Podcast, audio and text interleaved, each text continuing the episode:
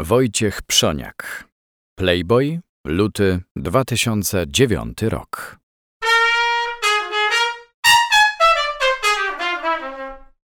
Czy Polki różnią się od Francuzek?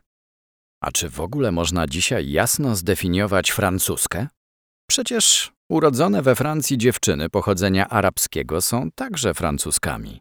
A nikogo chyba nie trzeba przekonywać, jak bardzo różnią się od innych Francuzek.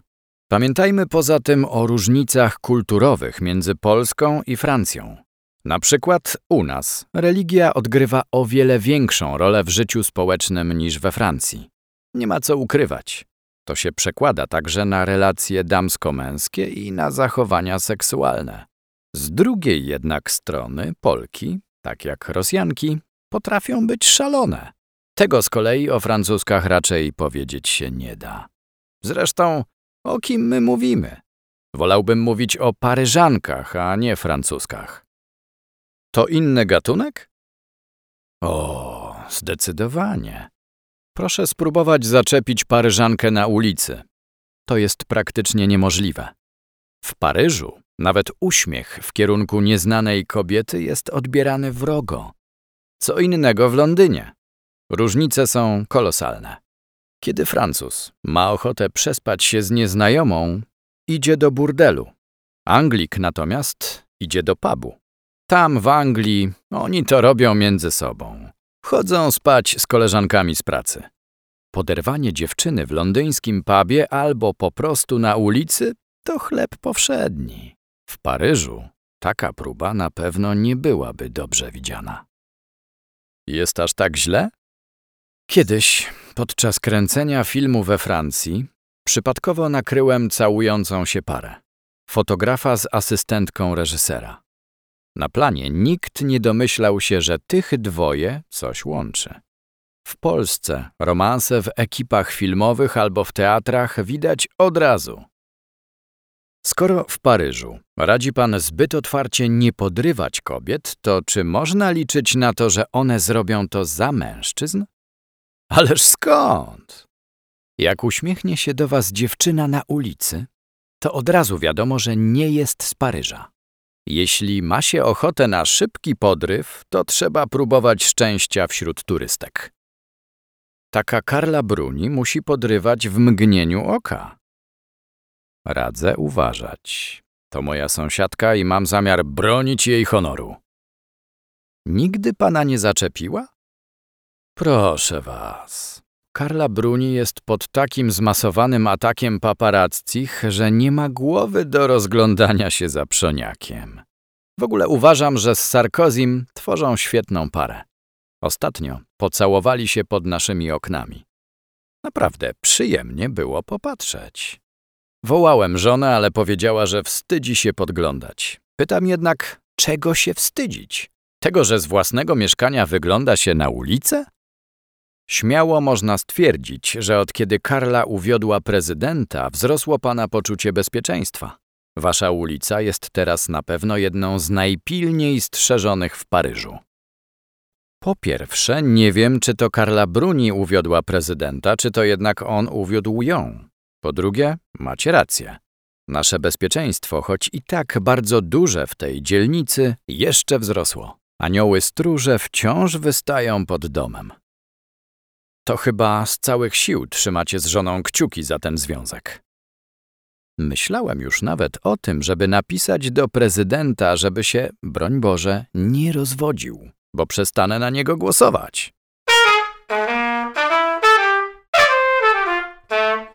Jak po francusku brzmi Wojciech Przoniak. Najczęściej Robespierre, a tak na poważnie to Wojciech Poźniak. Mam całą kolekcję z przykładami przekręcania mojego nazwiska. Często na początku filmu Przoniak był pisany inaczej niż na końcu. Kiedyś bardzo się tym przejmowałem, ale o zmianie nazwiska nie było mowy. Przoniak dla Francuzów rzeczywiście nie jest najlepszy. Po ich niemu brzmi psoniak z akcentem na ostatnią sylabę. Żeby im pomóc w wymowie, proszę, żeby przeczytali wyraz pchoniak. Wtedy jest lepiej. Francuscy krytycy nie przyczepiali się do pana akcentu? A jakże?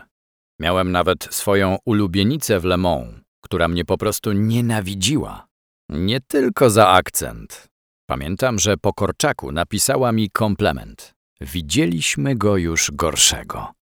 Mój przyjaciel, psychiatra, powiedział wtedy: Nie zdziwię się, jak wkrótce wyląduje u ciebie z walizkami. Wylądowała? Nie miała szans. Wciąż jednak pewnie o tym marzę.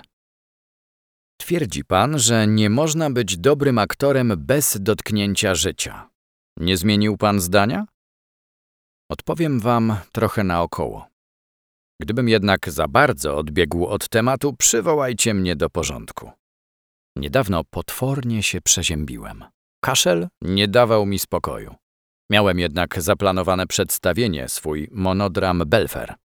Jadę na spektakl taksówką i myślę sobie, że jak będę tak dalej kaszlał, to nic nie zagram. Przecież aktor na scenie nie kaszle. Przerażało mnie, że w ostatniej chwili trzeba będzie przeprosić widzów i odwołać spektakl. Postanowiłem jednak spróbować. Wyszedłem na scenę i przez półtorej godziny ani razu nie zakaszlałem. A jak tylko opadła kurtyna, natychmiast na powrót zacząłem wypluwać płuca. W aktorze, na scenie, dokonuje się przemiana. Jego słabości i choroby są w tym momencie unieważnione. Zwróćcie uwagę, że aktorzy nie umierają na scenie. Aktorzy umierają za sceną. Łomnicki na przykład umarł w kulisach. A jak to się ma do dotknięcia życia? Oczywiście nie trzeba być mordercą, żeby zagrać mordercę, ale żeby skutecznie spenetrować świat mordercy, jego psychikę, jego emocje, trzeba mieć odpowiednie narzędzia. Mówiąc inaczej, trzeba mieć klucz do świata mordercy. Pan ten klucz znalazł w chwili, kiedy zdał sobie sprawę, że chce zabić własną matkę. Tak, i kiedy przyszło mi zagrać Wierchowieńskiego w Biesach Dostojewskiego, w reżyserii Andrzeja Wajdy w Starym Teatrze w Krakowie. Odszukałem w sobie tamto uczucie i przyznałem się do niego przed samym sobą. A to jest po pierwsze bardzo trudne, a po drugie niemożliwe dla tych, którzy nigdy nie przeżyli takiego momentu. Pan próbował nawet popełnić samobójstwo. Do serii nieszczęść, która mnie wtedy spotkała, doszło jeszcze to, że nie przyjęto mnie do gimnazjum z powodu złej oceny ze sprawowania. Miałem powtarzać ostatnią klasę podstawówki. To było straszne poniżenie. Wpadłem w czarną dziurę. Poszedłem na tory, położyłem się i czekałem. Napięcie jak u Bergmana.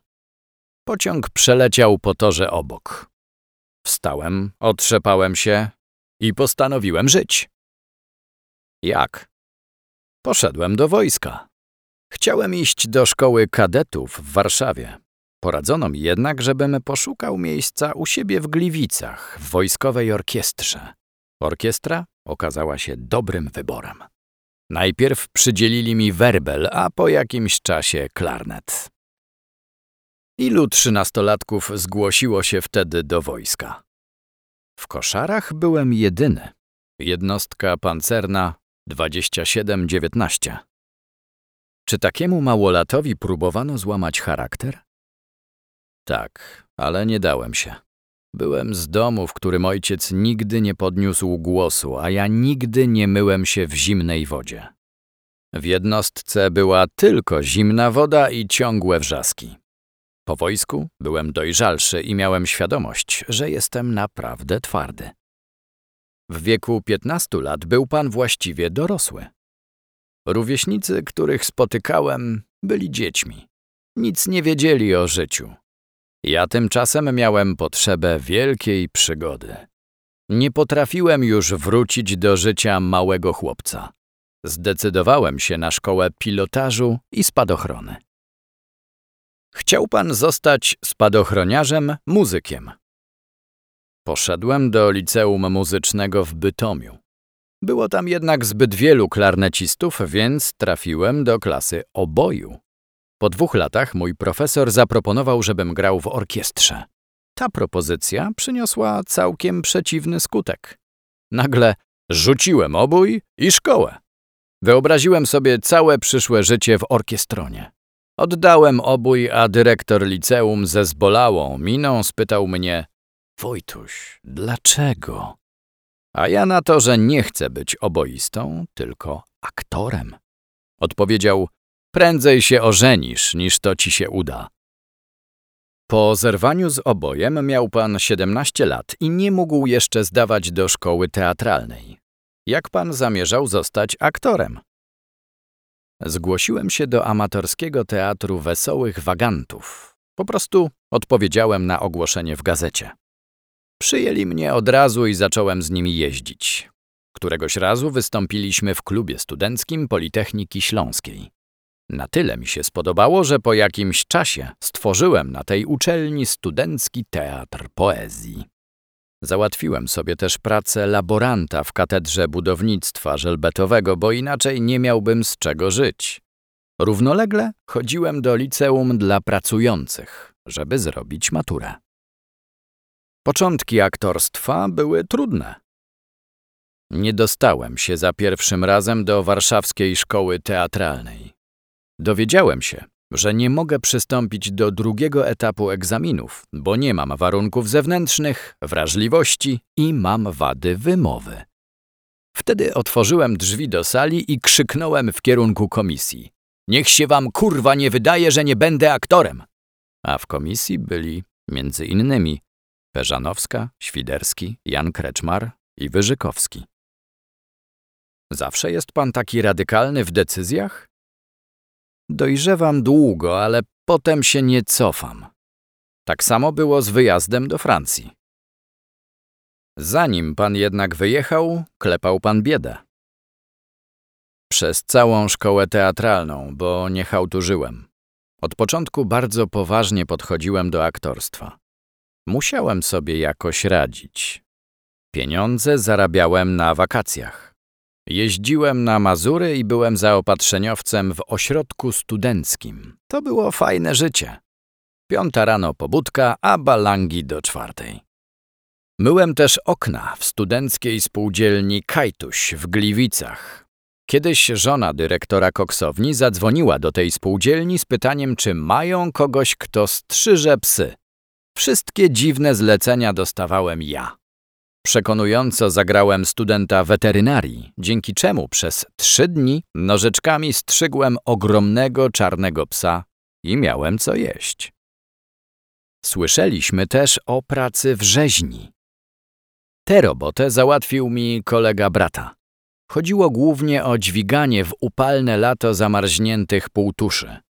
Ciężka robota, ale za to było zabawnie. Szybko się nauczyłem, jak wyrywać jednym pociągnięciem świńskie polędwiczki. Czy mama dożyła pana pierwszych sukcesów na scenie? Tak. Była niebywale szczęśliwa i dumna, choć całe życie powtarzała, że nic ze mnie nie będzie. Pamiętam, że od kiedy zacząłem grać, mama przestała mnie krytykować. Nagle wszystko robiłem jak należy. Niestety premiery Ziemi obiecanej mama już nie doczekała.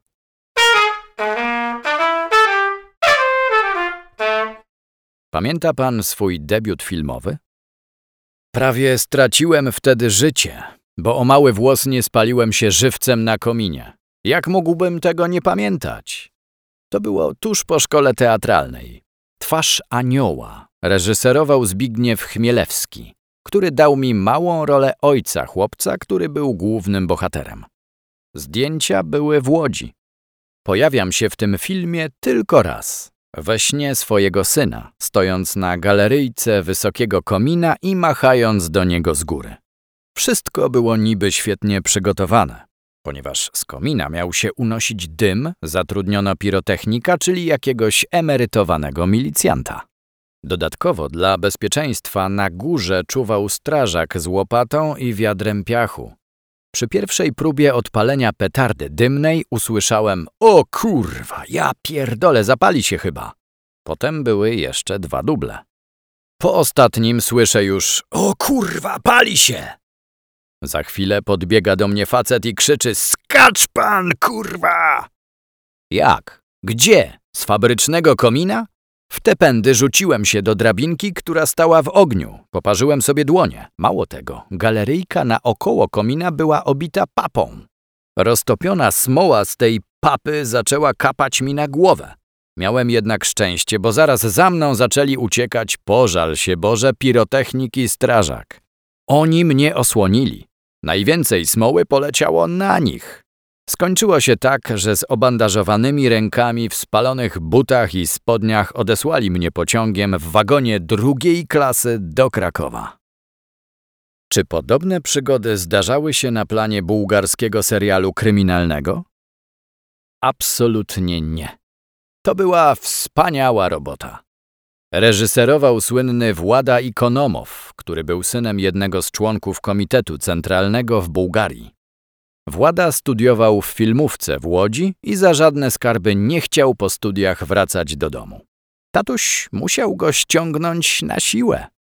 Włada wymyślił więc sobie serial, do którego postanowił zatrudnić kilku polskich aktorów, a zdjęcia zaplanował tak, żeby pobawić się w Casablance, Paryżu, Madrycie i kilku innych wspaniałych miejscach. Ja zagrałem u niego francuskiego komisarza policji w cywilu. Miałem trzy tygodnie zdjęć w Paryżu. Było pięknie. Od ikonomowa dostawałem takie instrukcje. Powiesz tylko bonjour, potem jeszcze z dwa słowa po francusku, następnie my cię ściszymy i wejdzie bułgar. Mówił pan wtedy trochę po francusku? Nie bardzo. Niby uczyłem się w liceum muzycznym i szkole teatralnej, a nawet chodziłem do Instytutu Francuskiego, ale specjalnie pilny to ja nie byłem. I dlatego spotkała mnie kara. Pewnego dnia na planie podszedł do mnie aktor z małpką na ramieniu. Coś powiedział, a ja zrozumiałem, że facet jutro organizuje imprezę. Postanowiłem zareagować bardzo po francusku i powiedzieć mu, że jutro na pewno będę. Ponieważ wiedziałem, że plac zgody to Place de la Concorde, wypaliłem do niego Concorde.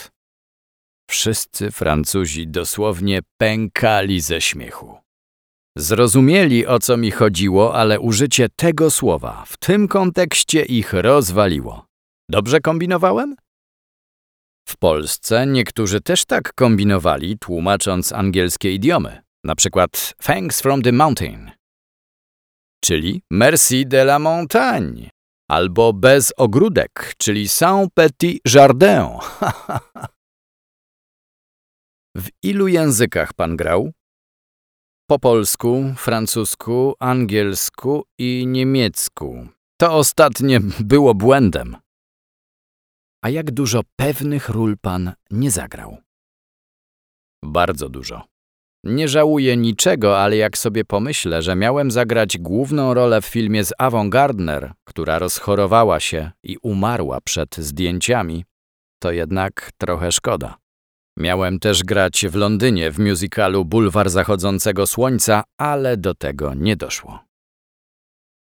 Występował pan z Piccolim, Liv Ullman, McDowellem, Postlewaitem, Lambertem, Holmem, Timem Rothem, Carmen Maurą, wielokrotnie z Depardieu. Nie uważa pan, że w Polsce jest za mało doceniany?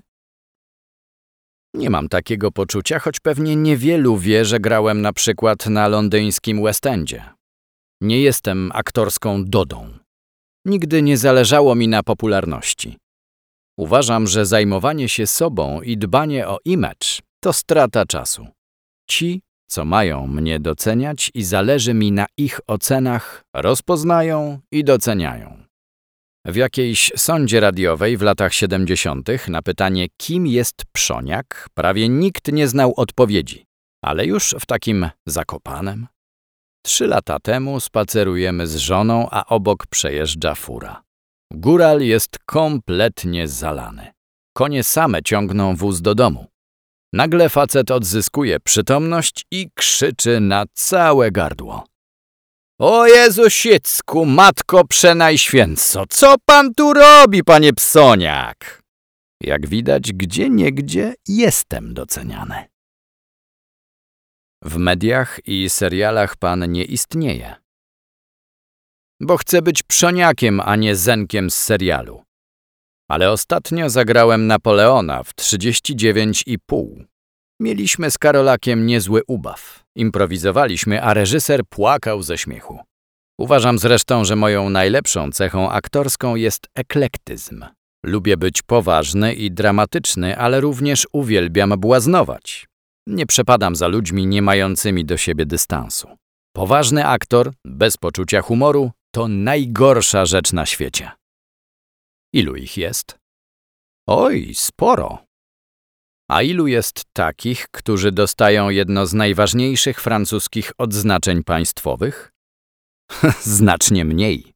Najzabawniejsze jest to, że przyznano mi francuski oficerski order zasługi już w 1996 roku. Ale dowiedziałem się o tym dopiero po 12 latach, dzięki sprzątaczce, która przypadkiem znalazła dokument przyznania mi tego orderu w polskiej ambasadzie w Paryżu. W końcu zostałem odznaczony 27 listopada 2008 roku przez ambasadora Francji w Polsce. Dostaje pan propozycje reklamowe? Rzadko, ale czasami się pojawiają. Jacyś faceci chcieli niedawno, żebym zareklamował wytwórnię okien w budynku dawnej fabryki, którą budowaliśmy w ziemi obiecanej. Jednak w momencie, gdy zażyczyłem sobie obejrzeć scenariusz tejże reklamy, zreiterowali. Czy aktorowi w reklamie grać się nie godzi? E tam. Mówią tak ci, którzy nie dostają takich propozycji. To nie ma nic wspólnego ze sztuką, tylko z kasą. Rozmawiam z kolegami, którzy się krzywią na reklamy. Wtedy pytam ich, a gdyby zaproponowali ci tak jak Kińskiej, 2,5 miliona dolarów za dwie sekundy w spocie, to powiedz mi, kochaniutki, czy ty byś to przyjął, czy nie? Trzeba być idiotą, żeby nie przyjąć. Dzięki takim pieniądzom można potem czekać parę lat na doskonały scenariusz albo samemu wyprodukować sobie spektakl. Czy komuś przeszkadzała doskonała reklama kawy nagrana przez Janusza Gajosa? Owszem. Smuci mnie, że w Polsce zachwiana jest proporcja sztuki wyższej w stosunku do sztuki niższych lotów. Zdecydowanie na korzyść tej ostatniej. Ale akurat z reklamą nie ma to nic wspólnego. Mnie boli, że u nas nawet między aktorami nie ma czegoś takiego jak dyskusje o teatrze, o sztuce w ogóle. Ludzie przychodzą pracować do teatru jak do fabryki. W takim razie mamy nadzieję, że książka o aktorstwie, którą przygotowuje pan wespół z Michałem Komarem, wywoła dyskusję. Pytanie tylko, kiedy ona wreszcie się ukaże? Musimy wyrobić się do maja. Jeżeli nie damy rady, to nie zobaczycie mnie już w żadnym filmie, bo wydawnictwo mnie zabije. Czy pański brat, Antoni, nigdy nie zazdrościł panu filmowej popularności? Tego tematu się nie porusza. Antek był bardzo znanym aktorem, prawdziwą legendą teatru starego. Pracował z Szajną, Jarockim i Swinarskim. Jest bardzo utalentowany, ale kompletnie inny niż ja. No i starszy o 12 lat. Razem zagrali panowie tylko w jednym filmie. U Gruzy, w przeprowadzce. Antoni to teatr, nie film. Pan też więcej czasu spędził w teatrach niż na planach filmowych. Chciałoby się jeszcze panu kiedyś grać jeden spektakl 480 razy, jak swego czasu sklep na rogu ulicy w Paryżu? Dlaczego nie? Cóż jest milszego niż 700 osób na widowni co wieczór przez dwa lata? Nic innego wtedy nie robiłem, więc nie mogłem czuć się zmęczony. To był wielki sukces finansowy i artystyczny. Byłem nominowany do Moliera, najważniejszej nagrody teatralnej we Francji. Romek Polański był na tej sztuce dwa razy. Ten spektakl podobał się krytyce i publiczności. Po tragedii 11 września 2001 roku zwrócono tylko cztery bilety. W tym spektaklu wszystko grało. Coś takiego udaje się raz na kilkanaście lat. Jakie najdziwniejsze plotki słyszał pan o sobie? Że jest alkoholikiem? Najróżniejsze, ale tej akurat nie. Nigdy nie piję przed spektaklem i w trakcie spektaklu. To kwestia charakteru i dyscypliny. Mam taki nawyk aktorski, że jem jak pies, czyli dwa razy dziennie, rano i wieczorem. Przy kolacji mogę się napić, bo jestem wyluzowany. A wódkę bardzo lubię, można by powiedzieć, że nie mogę bez niej żyć. Upija się pan jak moryc z ziemi obiecanej? Raczej nie. W ogóle nie lubię się upijać. A co do plotek, trochę się tego uzbierało. Kiedyś Danuta Rin spotkała się z koleżanką i bąknęła, że umówiła się z Wojtkiem Przoniakiem. Usłyszała, z tym pedałem? Jakim tam pedałem? On jest przecież z moją najlepszą przyjaciółką. E tam, jak ja ci to mówię, to wiem. Poza tym, ponieważ przyjaźnimy się z byłym mężem mojej żony, usłyszałem, że żyjemy w trójkącie. Homoseksualizm to jednak błahostka. Co było gorsze? Był czas, kiedy równocześnie grałem w Weselu Wajdy, Diable Żuławskiego i w Biesach. Kiedy przyjeżdżałem na plan albo do teatru, opowiadałem, co słychać. Zaczynałem zawsze od donoszę wam, że... I tak zrodziła się kolejna plotka, że jestem obsadzany w głównych rolach, bo pracuję dla UB. Rozpowszechniała ją pewna aktorka. Wtedy powinienem jej plunąć w twarz, bo o ile z homoseksualizmu można się było śmiać, o tyle donosicielstwo było znacznie większym kalibrem. Dlatego dzisiaj jestem tak wyczulony na wszelkie pomówienia. Wtedy, całkowicie rozbity, poszedłem po radę do Andrzeja Wajdy. On wysłuchał mnie, przytulił po męsku i powiedział: Te plotki świadczą o jednym. Zaczynasz robić karierę. Żałuje pan czasami, że nie ma dzieci? Oczywiście. Bardzo chcieliśmy mieć dzieci, ale całe życie spędzaliśmy w rozjazdach. Nawet myśleliśmy o adopcji, ale jakoś się nie złożyło. Tak naprawdę to jedyna rzecz, której nam w życiu trochę brakuje. Całkiem niedawno na ślubie bratanka ksiądz pięknie powiedział, że odtąd mąż i żona będą dla siebie najważniejsi. Nawet gdy będą mieli dzieci, bo dzieci Pan Bóg da im tylko w depozyt. Z Basią jesteśmy dla siebie najważniejsi, a ten depozyt na pewno byłby jakimś dopełnieniem. Zaczęliśmy od pytania o kobiety i tak skończymy. Kogo by pan widział na naszej rozkładówce? Dużo tego jest. Na pewno Monika Bellucci. Kto by jej nie chciał zobaczyć? Poza tym Scarlett Johansson, bo ma bardzo zmysłową pupę i nie jest landrynkowa. Na skróty. To matka zrobiła ze mnie aktora. Kiedy miałem gorączkę, zawsze uznawała, że udaje i posyłała mnie do szkoły. Musiałem wspinać się na wyżyny aktorstwa, żeby przekonać ją do choroby. Lubię próbować wszystkiego. No, może prawie wszystkiego. Heroiny nie brałem. Kokainy nie brałem. Nie mam za sobą też próby homoseksualnej. Poza tym nie zjadłbym psa i szczura. Kiedy zaproponowano mi stanowisko dyrektora Teatru Polskiego we Wrocławiu, pierwsze co usłyszałem od kolegów to musisz najpierw spacyfikować tego i tamtego od związków zawodowych. Dziękuję. Wolę spokojnie żyć sobie w Paryżu. Ojciec chrzestny przy filmie Gomora to słodka zabawa i bajeczka. Koniec. Rozmowę przeprowadzili Arkadiusz Bartosiak i Łukasz Klinkę, czyli wywiadowcy.pl oraz Marcin Meller.